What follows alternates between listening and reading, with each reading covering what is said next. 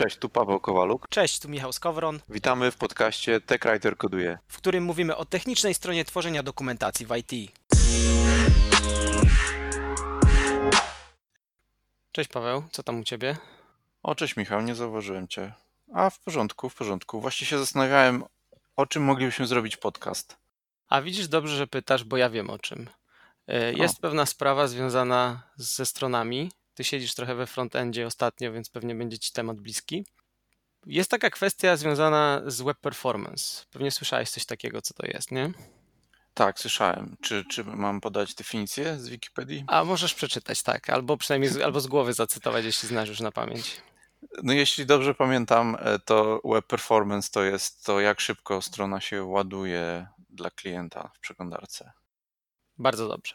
E, więc nie zauważyłeś czegoś takiego, że y, my jako technika writerzy dostarczamy dokumentację w formie jakiejś tam webowej powiedzmy, nie? Czy to jest jakiś tam webhelp, czy to jest jakiś HTML5, czy to jest jakaś inna forma powiedzmy taka wyświetlana w przeglądarce. Często ta dokumentacja trafia na serwery, gdzie jest jakby serwowana naszym klientom. I teraz nasuwa mi się takie pytanie, przecież to jest strona jak każda inna. Wiadomo, że jeśli chodzi o treść, no to może jest specyficzna, ale jest to jak, jakby nie było jakiś rodzaj strony, jakiś rodzaj treści, który do, dodajemy naszym użytkownikom. I teraz ja osobiście nie słyszę takich rozmów, czy tam nie spotkałem się z jakimiś rozważaniami na temat tego, żeby się skupiać albo żeby przykładać wagę do, do performance'u właśnie takiej dokumentacji. Z kolei e, w świecie na przykład, nie wiem, marketingu albo w świecie, nie wiem, e-commerce'u albo jakimś innym jeszcze dziedzinach, zwraca się na to dużą uwagę, żeby strona działała szybko, więc y, ten performance strony jest ważny w, każdym, w każdej dziedzinie tam, gdzie, gdzie występuje jakaś tam strona z treścią, tak? A u nas jakoś ten temat jest, nie wiem, nieomawiany, jakoś ja się nie spotkałem z dyskusjami za bardzo na ten temat, gdzieś tam może ktoś kiedyś wspomniał pobieżnie. A jakie jest, jakie jest twoje przekonanie? Też masz takie odczucie? Też mi się tak wydaje. On jest wtedy omawiany, jeżeli jesteś faktycznie w tej części zespołu, która tą stronę gdzieś tam serwuje, a jak nie, no to jest jako, jako autor treści na stronę o tym nie myślisz i nie rozmawiasz, ale no ale wydaje mi się, że to pewnie dlatego, że polegamy na narzędziach, nie? Czyli albo bierzemy na przykład matka Flera czy coś tam innego, co nam generuje stronę i po prostu polegamy na tym, że ona będzie jakoś zrobiona. Polegamy do tego na naszych DevOpsach, czyli ktoś tą stronę wrzuci na jakiś serwer czy polegamy na jakimś e, staty, innym static site generatorze i jakimś tam hosting serwisie i po prostu ta strona ma działać, nie? a my się zajmujemy treścią. No ale pomijamy tu jedną rzecz, że możemy trochę zepsuć, nie? czyli w sensie strona jest, e, jakby silnik strony jest zoptymalizowany, nasze treści sobie tam fajnie pasują, ale możemy na przykład wrzucić za duże obrazki, i będzie strona się powoli ładowała. Drugi powód pewnie, dlaczego o tym nie myśleliśmy, nie, nie zastanawialiśmy się nad tym, jest taki, że dokumentacja musi być i często po prostu jest tak uznawana za takie zło konieczne i nieważne, czy, czy ona będzie fajna, czy nie będzie fajna, czy będzie ta strona szybko chodziła, czy powoli, ona, jest, ona musi być, musimy ją zrobić i jakby nie ma, nie ma tutaj problemu.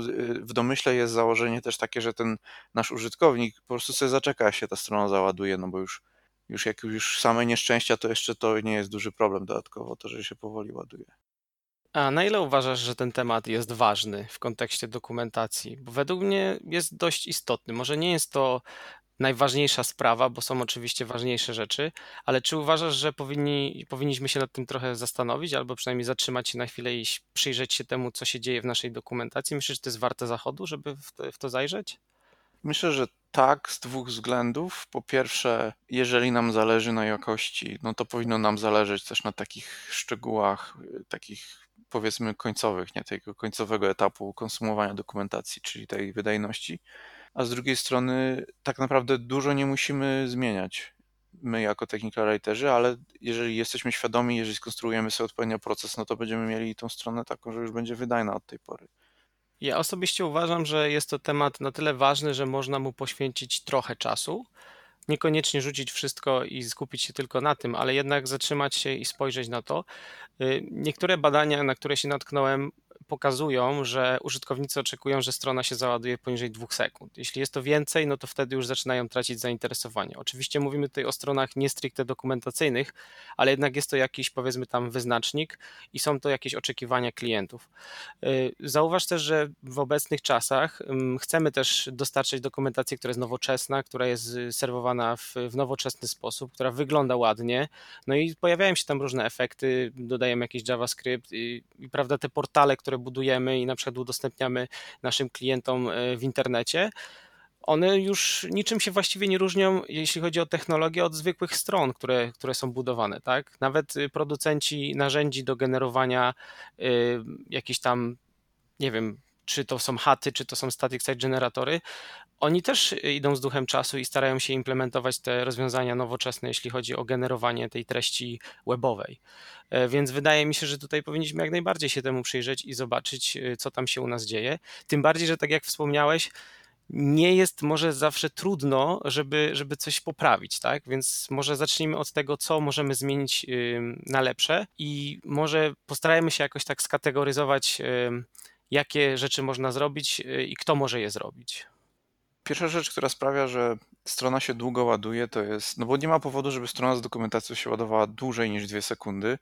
Raczej nie ma takiego powodu zazwyczaj, prawda? Czyli ona się będzie ładowała dłużej niż dwie sekundy, jeżeli na niej są jakieś tam zasoby, które bardzo dużo czasu zajmują, żeby, żeby się ściągnęły. Nie? Czyli na przykład albo jest bardzo, bardzo, bardzo dużo tekstu, tylko nie wiem ile tekstu musiałoby być, żeby ponad dwie sekundy się ściągał, albo jest bardzo, albo e, bardzo dużo ważą obrazki i JavaScripty, które są na tej stronie.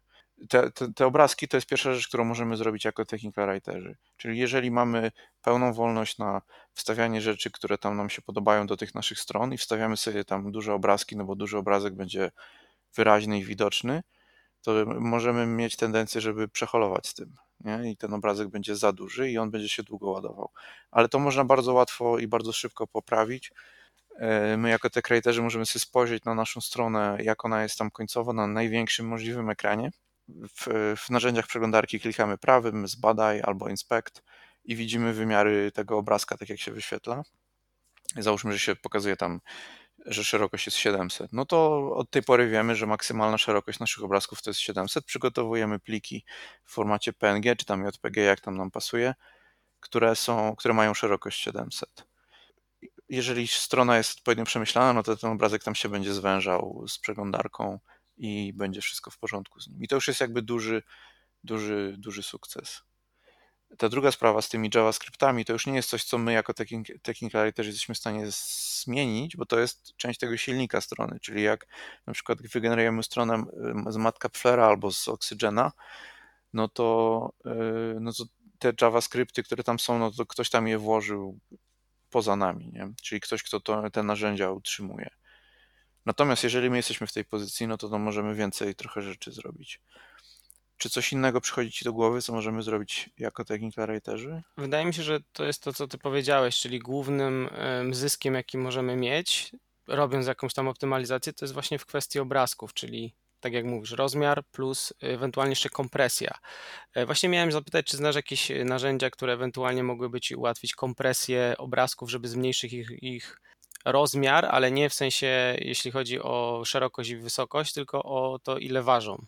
Ja znam tylko jedno takie narzędzie online, tak przyznam szczerze, które się nazywa Tiny PNG e, i on kompresuje jakby bez utraty jakości, przynajmniej tak twierdzą. Miałem okazję parę razy skorzystać z tego narzędzia e, i rzeczywiście rozmiar się zmniejszał dużo, jeśli chodzi o ilość kilobajtów czy megabajtów, jaką zajmował ten obrazek. Y, tylko, że no, niedogodnością jest to, że to jest w przeglądarce. Nie wiem, czy jest tutaj jakaś wersja taka, którą można sobie zainstalować y, u siebie, czy trzeba rzeczywiście to wszystko wrzucać w, w przeglądarkę i używać tego narzędzia online, co niektórzy e, mogą być w stosunku do tego nieufni, bo nigdy nie wiesz do końca, co się dzieje z tym obrazkiem, tak? Gdzie on trafia, gdzie on zostaje zapisany i, jak wraca do ciebie, czy on już na 15 serwerach nie został, tak? E, szczerze przyznam, że nie używałem takich narzędzi nigdy i ja sobie zawsze tak po prostu ok, no to na przykład zrobiłem screenshot z Nagicie, robię mu szerokość 700 i zapisuję i uznaję, że to jest optymalne rozwiązanie, prawda, bez spędzania dodatkowego czasu. Ale kiedyś jak pracowałem w zespole, który utrzymywał jakieś tam narzędzie do dokumentacji, to zaimplementowaliśmy Image Magic i tam nawet poszliśmy krok dalej, bo on nam generował wersje obrazków na różne viewporty. Czyli robiliśmy sobie jeden duży obrazek, powiedzmy to 700 szerokość na, na desktop, drugi mniejszy na tablet i trzeci maleńki na telefon i przy, przy budowaniu strony dodawaliśmy te trzy, te trzy obrazki. Ale to jest jakby trochę poza tematem. Także nie znam, nie znam innych narzędzi, które by te obrazki tam jakoś, e, jakoś tam nam e, zoptymalizowały. Ale jak, jak powiedziałeś e, kompresja, to ja myślałem, że będziesz mówił o gzip i o takich webowych technologiach kompresji. No, gzip, e, tak, zgadza się, będziemy za chwilę o tym mówić, ale najpierw chciałem skupić się na tym, co jako osoba pisząca dokumentację możemy zrobić w kwestii optymalizacji strony. Zastanawiam się jeszcze tutaj nad jedną rzeczą, nie wiem na ile to ma znaczenie, ale natknąłem się na takie wytyczne dotyczące budowania szybkich stron, że żeby ograniczyć liczbę zapytań HTTP, czyli liczbę jakby requestów, które idą o nasze zasoby, których używamy na stronie, i teraz się zastanawiałem, y, bo tu chodziło głównie o CSS-a i JavaScript, że im więcej mamy plików CSS, im więcej plików JavaScript, tym więcej zapytań, no i to może powodować jakieś tam opóźnienia, bo może być limit na ilość zapytań e, wysyłanych po takie zasoby, ale zastanawiałem się, czy w kontekście mm, topików, jakie piszemy, i tego, jak one są później generowane w outpucie, czy to ma znaczenie. Chodzi mi dokładnie o to, że biorąc na przykład DITę, możesz mieć 15 topików, które są jakby osobnymi e, plikami, tak? Masz plików e, z rozszerzeniem DITA 15, ale w mapie decydujesz już sobie, że one zostaną zczankowane, tak? Czyli w rezultacie jest to jeden wielki plik, który został jakby zmerdżowany z tych 15 plików, które miałeś w źródle. No i teraz zacząłem się zastanawiać i nie do końca potrafię sobie odpowiedzieć, czy ma to znaczenie, że na przykład mamy jeden duży plik, gdzie jest cała treść i mamy na przykład 15 sekcji, czy mamy 15 małych plików, które są później generowane jako osobne w outpucie, bo biorąc pod uwagę to, że jest ich więcej, musisz każdy topik kliknąć osobno, co generuje ci na przykład 15 razy jakieś tam, wiesz, zapytanie, czy tam e, renderowanie jakieś musi zostać wykonane. No to jest, to jest ciekawe, co mówisz, no bo z punktu widzenia samego takiego web performance, tak stricte, no to zwykle patrzymy na to, ile się jedna strona ładuje. Czyli nieważne, czy to jest jeden mały topik, czy to jest jeden taki długi topik, który się składał w, w źródle edytowym z wielu topików, no to jakby różnica pewnie nie będzie duża w tym, jak długo on się ładuje, nie? Jeżeli to będzie bardzo, bardzo dużo topików skompresowanych do jednego, to się będzie bardzo długo ładować. Ale poruszyłeś tutaj też taki inny trochę temat, czy performance to faktycznie trzeba tak traktować sucho i analitycznie, czy, na, czy powinniśmy myśleć o tym, jak nasz użytkownik będzie będzie się z tym czuł, nie? Czy on będzie czuł, że, że, że strona szybko działa, nie? Bo jeżeli będzie musiał, tak jak powiedziałeś, kliknąć 15 razy, żeby otworzyć 15 osobnych topików i każdy z nich się będzie tam ładował półtorej sekundy, dwie, może nawet trzy, może dłużej, no to pewnie będzie czuł, że ta strona się powoli ładuje, jest strasznie taka żmudna w nawigacji, versus jeśli otworzy jedną stronę i ta strona może jest bardzo długa i może się ładowała 3 sekundy, ale na tej stronie jest w stanie znaleźć bardzo dużo treści i na przykład wykonać całe swoje zadanie. Czyli otwiera jedną stronę i ona jest jakimś tam guidem czy tutorialem i wykonuje całe swoje zadanie przez kolejną godzinę czy dwie na tej jednej stronie, tak jakby korzystając z tego, co jest na tej jednej stronie. Czyli tutaj wchodzimy w taki grunt trochę filozoficzny, tak? gdzie zaczynamy rozważać, czy, czy performance powinniśmy traktować stricte technicznie, że właśnie prędkość ładowania i renderowania strony, czy właśnie rozszerzyć to, to nasze doznania jako użytkownika, e, który korzysta z tej dokumentacji, tak? Czyli co z tego, że mi się strona załaduje w sekundę, jak będę musiał kliknąć jeszcze 10 razy, żeby dotrzeć do informacji, którą hmm. potrzebuję, tak? No i będę musiał kolejną stronę, kolejną stronę, kolejną stronę, versus to, że będę sobie mógł kliknąć jedną stronę, która będzie się ładować dwie sekundy dłużej, ale za to znajdę tą informację 5 sekund wcześniej, tak? Bo będzie ona lepiej, e, będzie ona dostępna od razu. No, nie wiem, tu chyba też wchodzimy trochę na zagadnienia architektury informacji e, na stronie, więc nie wiem, czy, czy to się stricte wiąże z performancem, ale jest to na pewno ciekawa rzecz, żeby o niej pamiętać, że robiąc, skupiając się na tym, jak strona szybko działa, może warto się zastanowić, czy te zaoszczędzone dwie sekundy w kwestii technicznej nie spowodują, że jednak użytkownik zostanie spowolniony w kwestii doświadczenia tego, jak się korzysta, tak? Więc można o tym pamiętać i sobie to zważyć, czy to się opłaca. Y, no dobra, czyli coś jest jeszcze, co jako mm, po prostu z poziomu pisania dokumentacji jesteśmy w stanie zrobić, żeby ta strona działała lepiej wydajniej? Coś ci przychodzi jeszcze do głowy? Raczej nic, co by miało duże znaczenie. Jeżeli na przykład mamy bardzo długi topik i jest napisany w bardzo rozwlekły sposób, no to będzie jeszcze dłuższy. Możemy go jakoś tam skrócić, ale to nie ma dużego znaczenia, chyba że ten topik rzeczywiście ma tysiące, tysiące linii. To wtedy możemy na przykład o, o, o kilkaset skrócić, pisząc zwięźlej, ale nie sądzę, żeby to miało wpływ na ten techniczny aspekt performance'u, bardziej będzie miało wpływ na doświadczenie użytkownika.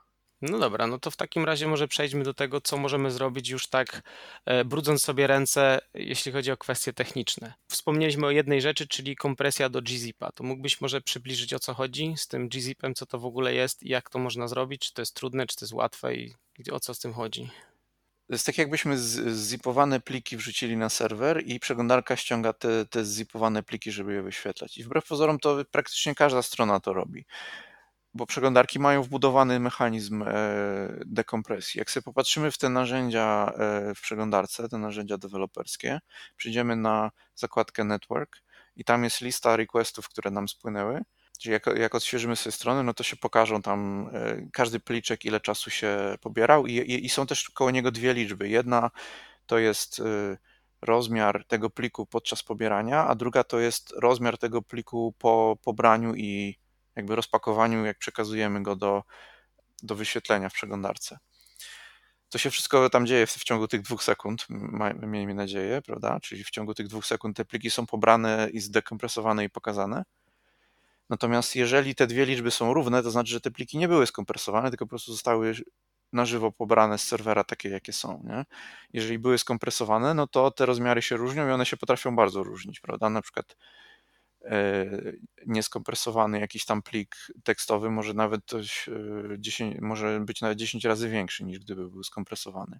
Więc to z, zrobi nam dużą różnicę. I to ma znaczenie w wypadku takich e, single page apps typu jakichś reaktowych apek, które mają bardzo dużo tego JavaScriptu. One mają go tak dużo, że te pliki są podzielone. Ten plik jakby JavaScriptu jest przez Webpacka dzielony na mniejsze pliki, zminifikowany i, e, i, a, a, i tak zajmuje tam jakieś tam, e, jakieś tam kilobajty, megabajty pamięci, prawda? I może sporo czasu zająć, zanim wszystkie te części pliku zostaną pobrane. Natomiast jeżeli rzeczywiście zrobimy gzipa, no to ten czas się, się skróci dosyć poważnie. Jak trudne jest zrobienie takiego gzipa? To znaczy od strony technicznej, jakbyś chciał zaimplementować takie rozwiązanie, to jak można to zrobić? To się zwykle robi, y, jak mamy jakiś taki skrypt, powiedzmy shellowy, który nam wrzuca pliki przez SSH na serwer, no to zanim je wrzucimy, możemy sobie dosłownie w jednej linijce napisać komendę, która nam wszystkie te pliki y, y, zipuje. One będą wrzucone potem na ten serwer i ten serwer musi mieć ustawione w nagłówkach informację o tym, że to jest content type gzip żeby przeglądarka wiedziała, że musi sobie zdekompresować ten pliczek. Okej, okay. no to nie wydaje się to takie trudne. Zresztą już y, pamiętam, że próbowaliśmy robić takie rzeczy i to dosłownie sprowadzało się do jakiejś jednej czy dwóch linijek w skrypcie, zanim e, wysyłaliśmy to na, na serwer HTTP. I to po prostu jest dość, dość proste i można łatwo znaleźć instrukcję e, w internecie, jak sobie taką kompresję zrobić za pomocą tego skryptu shellowego. Tak, dokładnie. To jest proste, póki jest proste, bo się potem okazuje na przykład, że w tym konkretnym zestawie serwerów i narzędzi i tak dalej, na przykład pliki MP4 nie są odpowiednio dekompresowane w Chromie. No ale to potem sobie gdzieś tam jest ten jeden szczegół, który trzeba rozwiązać i idziemy dalej. Dobra, no to to jest jedna rzecz, którą możemy całkiem łatwo zrobić. E, kolejna to z tego, co ja tutaj się natknąłem, to było na przykład ty już nawet wspomniałeś o tym, czyli minifikacja, jak to się po polsku mówi, minifikacja? Jest to w ogóle... W sumie, ja nie wiem w, ogóle, jaki jest no. odpowiednik do takiego słowa, nie? Bo wszyscy mówią minifying, czyli chodzi o jakby o wycinanie niepotrzebnych rzeczy z, z zasobów takich jak CSS, JavaScript i na przykład też HTML. E, dobrze mówię? Tak, no, no zazwyczaj się usuwa białe linie, jakieś tam wcięcia, nowe linie i tak dalej. Powstaje plik, który jest jedną długą linią i e, robi się też tak, że się zamienia e, zmienne, na przykład w JavaScriptie, żeby już nie była cała zmienna rozpisana e, słownie, tylko jest ona jedną literką na przykład. Czyli jak otworzymy sobie czasami taki plik JS albo CSS i on będzie nieczytelny, będzie wszystko bez spacji, bez wcięć, wszystko będzie jedną długą linijką i do tego nazwy zmiennych będą J, Z, X, P i nic nam nie będą mówić, to znaczy, że prawdopodobnie ten plik został e, poddany temu procesowi mini, mini kurczę, nie potrafię tego powiedzieć, minifikacji. Miniaturyzacji? Nie, nie, no, nie, nie wiem, w ogóle widzisz, nie odrobiliśmy zadania domowego, nie wiemy jak to po polsku powiedzieć. E, w każdym razie temu procesowi właśnie optymalizacji i są, o ile pamiętam na przykład w Bootstrapie, jak sobie ściągamy jakieś tam zasoby JS czy tam CSS, to mamy takie coś, gdzie w nazwie jest na przykład min.js albo min.css, no to min to chyba oznacza właśnie, że to jest minified, tak? Tak, dokładnie. No, bo ja też do jakiegoś czasu nie rozumiałem, ok, no to mam plik CSS, plik JS, a mam jeszcze min CSS i nie wiem, nie wiedziałem jaka jest różnica, tak? Dopiero później się dowiedziałem, że to właśnie chodzi o to, że ten proces został e, zaaplikowany tego pliku i bardziej się opłaca używanie tych zminifikowanych e, plików, tak? Bo to szybciej się ładuje. No tak, jak sobie tworzymy swój projekt y, strony i mamy CSS-y i JS-y, no to możemy na przykład zaprzęgnąć webpacka do tego, żeby nam te pliczki przygotował do dystrybucji, czyli je zminifikował, spakował i, i potem możemy je zgzipować, żeby się jeszcze zmniejszyły. Chociaż teraz się zastanawiam nad tym, bo tego nie sprawdziłem, czy to ma znaczenie, już jak jest zminifikowany, czy on, y, znaczy on, oczywiście gzipowanie też pomoże, nie, ale czy to dużo zmieni? Nie wiem tego, czy takiej sytuacji. No ale trzeba, trzeba, by to, trzeba by to sprawdzić. Jest jeszcze jeden temat, który tutaj mam zapisany, to jest kaszowanie. Jak powiedziałeś o tych narzędziach w przeglądarce dla deweloperów, e, że można sobie podejrzeć, jaki był rozmiar pliku przed transferem, a po tym, jak został już przetransferowany i wyświetlony, i że jest różnica, to ja zauważyłem jeszcze jedną taką, e, taką kolumnę, przynajmniej w Firefoxie u mnie widzę, nazywa się transferred. I tutaj pokazuje mi, ile zostało kilobajtów przesłanych, ale też pokazuje, że jest cached na przykład, nie? Więc to sugeruje, mhm. że pewne zasoby już nie są przesyłane za każdym razem, tylko są kaszowane i one są przechowywane. E, czy ty znasz jakieś praktyki związane z, z kaszowaniem, które mają sens? Najczęściej jak mówimy o kaszowaniu, to myślimy o tym kaszowaniu w przeglądarce, czyli po stronie klienta i może skupmy się na tym, nie? bo to jest taki naj, najczęstszy przypadek. E, skaszowany plik to znaczy, że przeglądarka już sobie go pobrała, on gdzieś tam jest przechowywany na komputerze i w przeglądarce jest zapisane, że ten konkretny plik już mamy, więc nie będziemy go drugi raz pobierać. Chyba, że się zmienił, to zaraz dojdziemy do tego. Nie? Czyli jeżeli otwieramy sobie na przykład chodzimy po stronie z dokumentacją i każda strona ma tego samego CSS-a, tego samego JS-a, te same jakieś tam y, obrazki w nagłówku i tak dalej, no to te pliki nie są pobierane za każdym razem, tylko przeglądarka wie, że, że one już były pobrane. I najczęstszy, najczęstsza sytuacja jest taka, że kaszujemy po prostu aż się pojawi nowy plik. Nie? Druga y, opcja jest taka, że na serwerze ustawiamy nagłówek, który mówi o kaszowaniu przez jakiś tam czas. Na przykład mówi, że kaszuj przez ten, przez ten okres czasu, albo mówi nie kaszuj tego w ogóle, czyli za każdym razem są pobierane e, pliki na świeżo.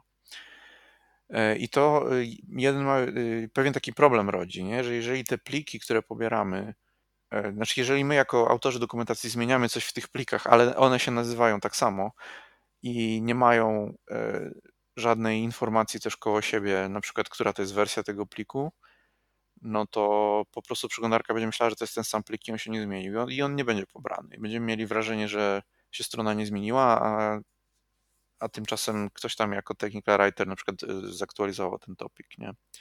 Więc tutaj dobrze by było, żeby E, ten silnik, który generuje te strony, jak w jakiś sposób pokazał, że nowa wersja się pojawiła. To, e, I to najlepiej by było sobie dokładnie poczytać o tym, jakie są te mechanizmy e, i dobrać taki, który jest odpowiedni dla nas, nie? Bo, bo na przykład niekoniecznie chcemy zmieniać nazwy plików HTML z dokumentacją. Na przykład jeżeli po prostu serwujemy statyczne pliki, on się nazywa instalacja.html, to nie chcemy go zmieniać i na przykład mówić instalacja.1html, bo ktoś może y, zapamiętał sobie link do tego pliku, nie? I teraz on będzie szukał tego starego pliku i dostanie 404, bo już nie ma tego pliku, my dodaliśmy taki plik .1, a potem go zmieniamy, dodajemy .2 i znowu link się zmienił.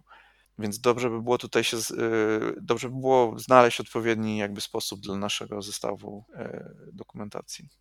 Czyli kaszowanie ma dwie twarze, tak? Można na tym zyskać trochę, ale można też właśnie stracić, jeśli chodzi o to doświadczenie użytkownika naszego. To jest to jest problem, z którym ja też się spotkałem, że właśnie um, ktoś z writerów, y, z którymi pracowałem, na przykład mówił, że a, wygenerowałem nową stronę, ale cały czas widzę starą wersję. E, no i wtedy często pomagał taki hard refresh y, w przeglądarce, gdzie został wyczyszczony czy tam przeładowany cache, bo, bo te zasoby automatycznie się nie odświeżyły, bo jakaś tam polityka kaszowania była taka, że, że miał przechowywać te zasoby przez ileś czasu. Właśnie chyba jednym z ustawień jest to, że można sobie kaszowanie ograniczyć czasowo, tak? Czyli że przechowuj przez jakiś tam okres czasu, no i teraz pytanie zasadnicze, gdzie jest ten złoty środek, tak, żeby nie przesadzić i żeby właśnie był kompromis pomiędzy tym, co użytkownik widzi na bieżąco, a tym, jak strona szybko działa.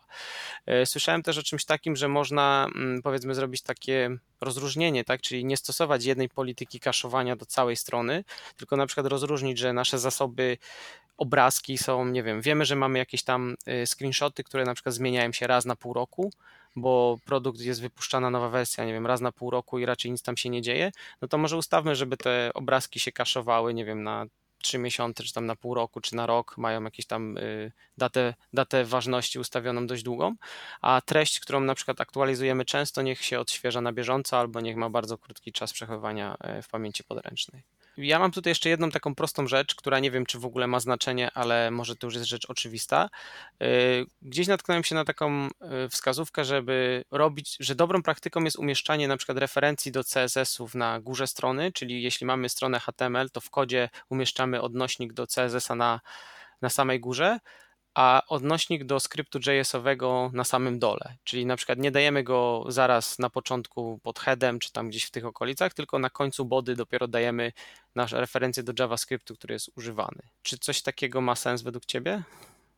To się tak przez długi czas robiło i pewnie to ma, to ma ciągle sens, ale można też używać y, atrybutu async na tagu skrypt i wtedy on będzie ładowany niezależnie od renderu strony. I są różne też takie triki związane z różnymi typami tych plików w headerze, że nie musimy się ograniczać do przesuwania ich do gdzieś tam do body.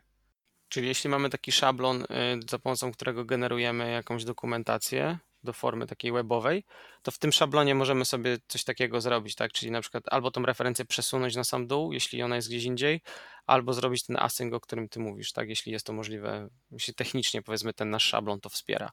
Tak, tak. Po, w ogóle po, po co się to robi, że, że ten JavaScript jest w tym miejscu, a nie w innym?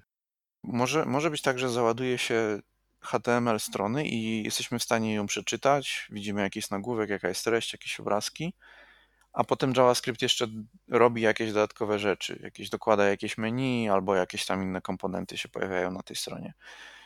I to może być w porządku, żeby te komponenty się pojawiły później, czyli jakby użytkownik jest w stanie, już tam w ciągu sekundy jest w stanie zacząć czytać, a tu mu się tymczasem pojawiają jakieś reklamy czy coś tam innego dookoła. Y, natomiast nie zadziała to, jeżeli nasza strona jest y, typu jakieś single page app, czy, czy w ogóle JavaScript nam generuje tą treść, prawda? No bo musimy go wczytać, żeby tą treść zobaczyć wtedy. Dobra, no to jeszcze mam do Ciebie takie pytanie. Czy y, uważasz, że używanie generatorów stron statycznych jest lepszym rozwiązaniem, jeśli chodzi o performance, niż na przykład tworzenie bardziej dynamicznych stron? Chodzi mi o to, że możesz sobie na przykład zbudować jakąś taką stronę, która będzie ci dynamicznie y, renderować treść z jakiejś tam na przykład bazy danych. Powiedzmy, WordPress chyba jest przykładem czegoś takiego, nie? że tam powiedzmy są jakieś widoki, które są generowane e, na podstawie jakichś tam zapytań chyba do bazy danych, e, czy na przykład generowanie tego, co jest bardzo popularne, czyli z takich statycznych stron, które są powiedzmy budowane wcześniej, a później tylko są wrzucane na serwer i są serwowane tak jak, jak widać. Tak? Wiadomo, że tam jakiś JavaScript chodzi, ale sama ta treść już jest jakby zdefiniowana i on wiadomo, co, co, co ma być zostać wyświetlone. Czy, czy static sites są szybsze? Ciężko powiedzieć, bo one są, no, teraz są popularne, no i one dużo jakby usuwają problemów, które, które mamy z utrzymywaniem stron, nie? Czyli jak mamy aplikację typu WordPress, która rzeczywiście potrzebuje bazy danych i tam w PHP są informacje pobierane z tej bazy danych, no to my musimy pamiętać, że e, jakby klient ma dostęp do jakiegoś tam serwera, na którym są informacje, może nie do wszystkich on powinien mieć dostęp, i tak dalej, więc musimy dbać o bezpieczeństwo tej strony, czyli e, aktualizować wersję PHP, SQL-a, bazy danych i tak dalej, i tak dalej. Poza tym jest tam jeszcze też jakaś, e, kilka aplikacji, które działa na serwerze, czyli na jednym serwerze działa baza danych, na drugim backend, na, może na trzecim frontend, prawda? Czyli mamy jakieś tam aplikacje, które ze sobą rozmawiają, jest dużo takich points of failure, żeby to powiedzieć tak ładnie. Jeżeli mamy statyczną stronę, no to de facto wystarczy nam Często nam wystarczy po prostu jakiś tam Apache Web Server czy Nginx i tą stronę jesteśmy w stanie zaserwować. I ona jest też dużo bezpieczniejsza, no bo to jest po prostu strona HTML, nie możemy wstrzyknąć tam żadnego złośliwego kodu ani nic takiego zrobić, nie? tylko ją można po prostu czytać. Yy, no ale z drugiej strony yy, taka aplikacja działająca po stronie serwera nie musi wcale być wolna, nie? Ona może być taka błyskawiczna, nie? Jakieś aplikacje Node.js są znane z tego, że są bardzo, bardzo szybkie i też nie, nie ma to wpływu. Ale wydaje mi się, że popularność tych statycznych stron to głównie wynika z, z tej prostoty, nie? że to jest takie bardzo proste w utrzymaniu, bardzo proste, w, łatwo to zmienić, łatwo to roz, rozwinąć i rozszerzyć. Zadałem to pytanie dlatego, że możliwe, miałem przekonanie, że to może jest takie widmo przeszłości, gdzie uważa się dalej, że tak jest, a tak naprawdę technologia się już tak mocno zmieniła w międzyczasie, że że to może być niezauważalne, jeśli chodzi o prędkość działania stron takich bardziej dynamicznie generowanych, a tych statycznie generowanych. Wniosek jest taki, że istnieje przekonanie, że mogą być szybsze, ale nie do końca może to być prawda, tak? No, Czyli właściwie. Z drugiej, no. z drugiej strony, dla nas, tych writerów, e, może to jest problem, na którym się nie musimy zastanawiać, no bo jak y, używamy na przykład Dity czy Markdowna, no to jest bardzo naturalne jest stosowanie statycznych stron, no po prostu Dita czy Markdown nam generują zazwyczaj statyczne strony i pomijając jakieś tam bardzo niszowe rozwiązania, które gdzieś tam specyficznie firmy wdrażają, no to no po prostu tak jest. Dita nam generuje statyczną stronę, podobnie Markdown. Dobrze, no to może już nie mówmy o tym więcej. To może mhm. niepotrzebnie ten temat w ogóle zaczynałem. E, dobra, no to fajnie. Mamy jakieś tam wytyczne związane z tym, jak powodować, że będzie bardziej wydajna ta nasza dokumentacja. E, wydaje mi się, że nie powiedzieliśmy o jednej podstawowej rzeczy. Właściwie może od tego powinniśmy byli zacząć. Jak jesteśmy w stanie stwierdzić, czy nasza strona potrzebuje tej optymalizacji i jak sobie radzi, jak ocenić w ogóle to, e, jak ona działa? I jest jedno takie narzędzie, które chyba jest bardzo popularne ostatnio, oczywiście y, ze stajni wielkiego, e, wielkiego korpo, czyli Google. E, I jest to, jest jeden taki serwis jakby w, dostępny w internecie, nazywa się Google Page Speed Insights. E, I on umożliwia nam wrzucenie linka i zrobienie analizy na tej stronie i on nam tak wygeneruje jakiś tam wynik, a później da nam jakieś wskazówki, jak sobie poprawić tą wydajność strony. Ale dodatkowo jeszcze w Google Chrome, jak wejdziemy sobie w te narzędzia dla deweloperów y, i mamy tutaj zakładki Elements, Console i tak dalej, to jest jeszcze zakładka Lighthouse. I ona też jest w stanie nam wygenerować z poziomu przeglądarki właśnie raport y, strony, którą właśnie e, przeglądamy. I tutaj się e, będą różne rzeczy działy, jakieś analizy, i później dostaniemy również wytyczne, jak, jak, jak działa ta strona szybko. Ja na przykład teraz puściłem na, na szybko Lighthouse na stronie naszego podcastu. E, no i pokazuje, że performance jest na poziomie 98, czyli twoje ostatnie grzebanie coś pomogło, tak? Tak. No okazuje się, że wiesz, że wydaje nam się, że mamy prostą stronę, na której się nic nie dzieje, jest to statyczna strona i że sobie dobrze radzi. Później wrzucamy takiego Lighthouse'a i się okazuje, że wcale tak nie jest i że można jeszcze coś poprawić. E, no i tutaj możemy sobie poczytać y, w raporcie, co nam proponuje Google, żeby było lepiej. Więc tak jak mówię, są dwie opcje. Pierwsza to jest Google Page Speed Insights e, w internecie, a drugie to w Google Chrome możemy sobie odpalić Lighthouse. Wydaje mi się, że to jest ten sam mechanizm i ta sama, e, ten sam, ten, to samo narzędzie, tak? tylko na dwa różne sposoby podane. Y, tak, ja tutaj tydzień temu sobie zrobiłem taki właśnie audyt Lighthouse'em i zobaczyłem, co się da zmienić. Używamy tego statycznego generatora Docusaurus i tak naprawdę nie miałem za bardzo opcji pewnych rzeczy zmienić e, w tej starej wersji, ale się zupgrade'owałem do wersji 2, która jest teraz w stanie alfa i ona tam rozwiązywała dużo z tych problemów automatycznie. Potem pozmieniałem trochę takich rzeczy jak rozmiary obrazków i jakieś tam inne szczególiki i strona zaczęła faktycznie działać na poziomie 98. Także no, to było kilka prostych ruchów. Natomiast jedna rzecz, co Lighthouse zawsze poleca, czego nigdy nie próbowałem, to jest używanie tych e, oni to mówią e, nowoczesne formaty mediów, czyli obrazki w formacie web, WebM, nie pamiętam jak to jest tam. W każdym razie ma, e, Google ma swój nowy format obrazka, który zachęca ludzi, żeby, żeby, żeby, żeby go używali, bo jest zoptymalizowany do, do, do internetu. Słyszałem coś o tym e, formacie, ale to chyba jest jeszcze dość mało popularne, więc może być ryzykowne, jeśli chodzi o stosowanie w dokumentacji. Możemy się wysypać na jakiejś przeglądarce, która tego nie wspiera. Ale jeszcze jest jedna ciekawa rzecz, e, bo tutaj PageSpeed Insights oferuje nam API.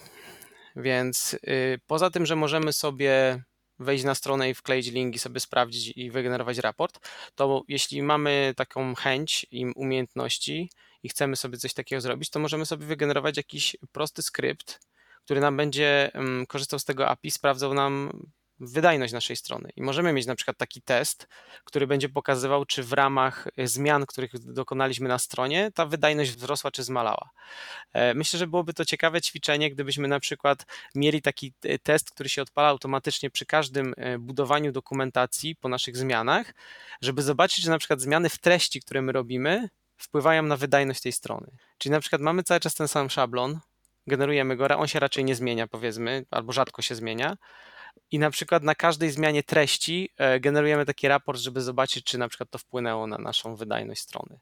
No dobrze, dobrze pamiętać, że każda, że taki jakby portal z dokumentacją, to każda strona to jest osobna strona i może warto by było sprawdzić wydajność na każdej z nich, nie? Wtedy byśmy wykryli na przykład, że na tej jednej stronie są za duże obrazki, powiedzmy, albo coś tam innego szwankuje. No ale myślę, że to by był taki ciekawy test automatyczny, który mógłby nam e, pokazać właśnie to, to, czego ja na przykład nie wiem na tą chwilę, nie? czyli jakie działania y, od strony pisania dokumentacji mogą powodować wzrost lub y, spadek wydajności naszej, naszej dokumentacji. Tak, zdecydowanie. No. no i sobie na przykład jakiś automat, który będzie y, na przykład porównywał albo tam na przykład flagował, o, twoja wydajność spadła o ileś tam, albo pokazywał ci na przykład raport, że miesiąc temu twoja dokumentacja miała taki score, a teraz zrobiłeś ileś tam zmian w topikach i tak dalej i teraz twój score jest wyższy albo niższy, nie? To bardziej jako takie ćwiczenie czy tam e, ciekawostka, bo nie sądzę, że ktoś będzie tutaj chciał używać tego jako, nie wiem, e, mechanizmu bezpieczeństwa, żeby ta strona była cały czas wydajna, no bo to było uciążliwe, ale myślę, że to mogło być ciekawe ćwiczenie, żeby tak sobie sprawdzić, co, co działa, a co nie. To co, ja, wydaje mi się, że wyczerpaliśmy temat, przynajmniej jeżeli chodzi o moją wiedzę. Y, uważam, że wyczerpaliśmy temat, jeśli chodzi o moją wiedzę, już przynajmniej 10 minut temu, więc teraz wiesz, teraz, teraz głównie improwizuję, e, więc myślę, że czas się zwijać i nie ma co przeciągać. Dobra, no to dzięki wszystkim za słuchankę. Życzymy miłego dnia. Paweł, wszystkiego dobrego, trzymaj się i słyszymy się w następnym odcinku. Na razie, cześć, cześć. Cześć.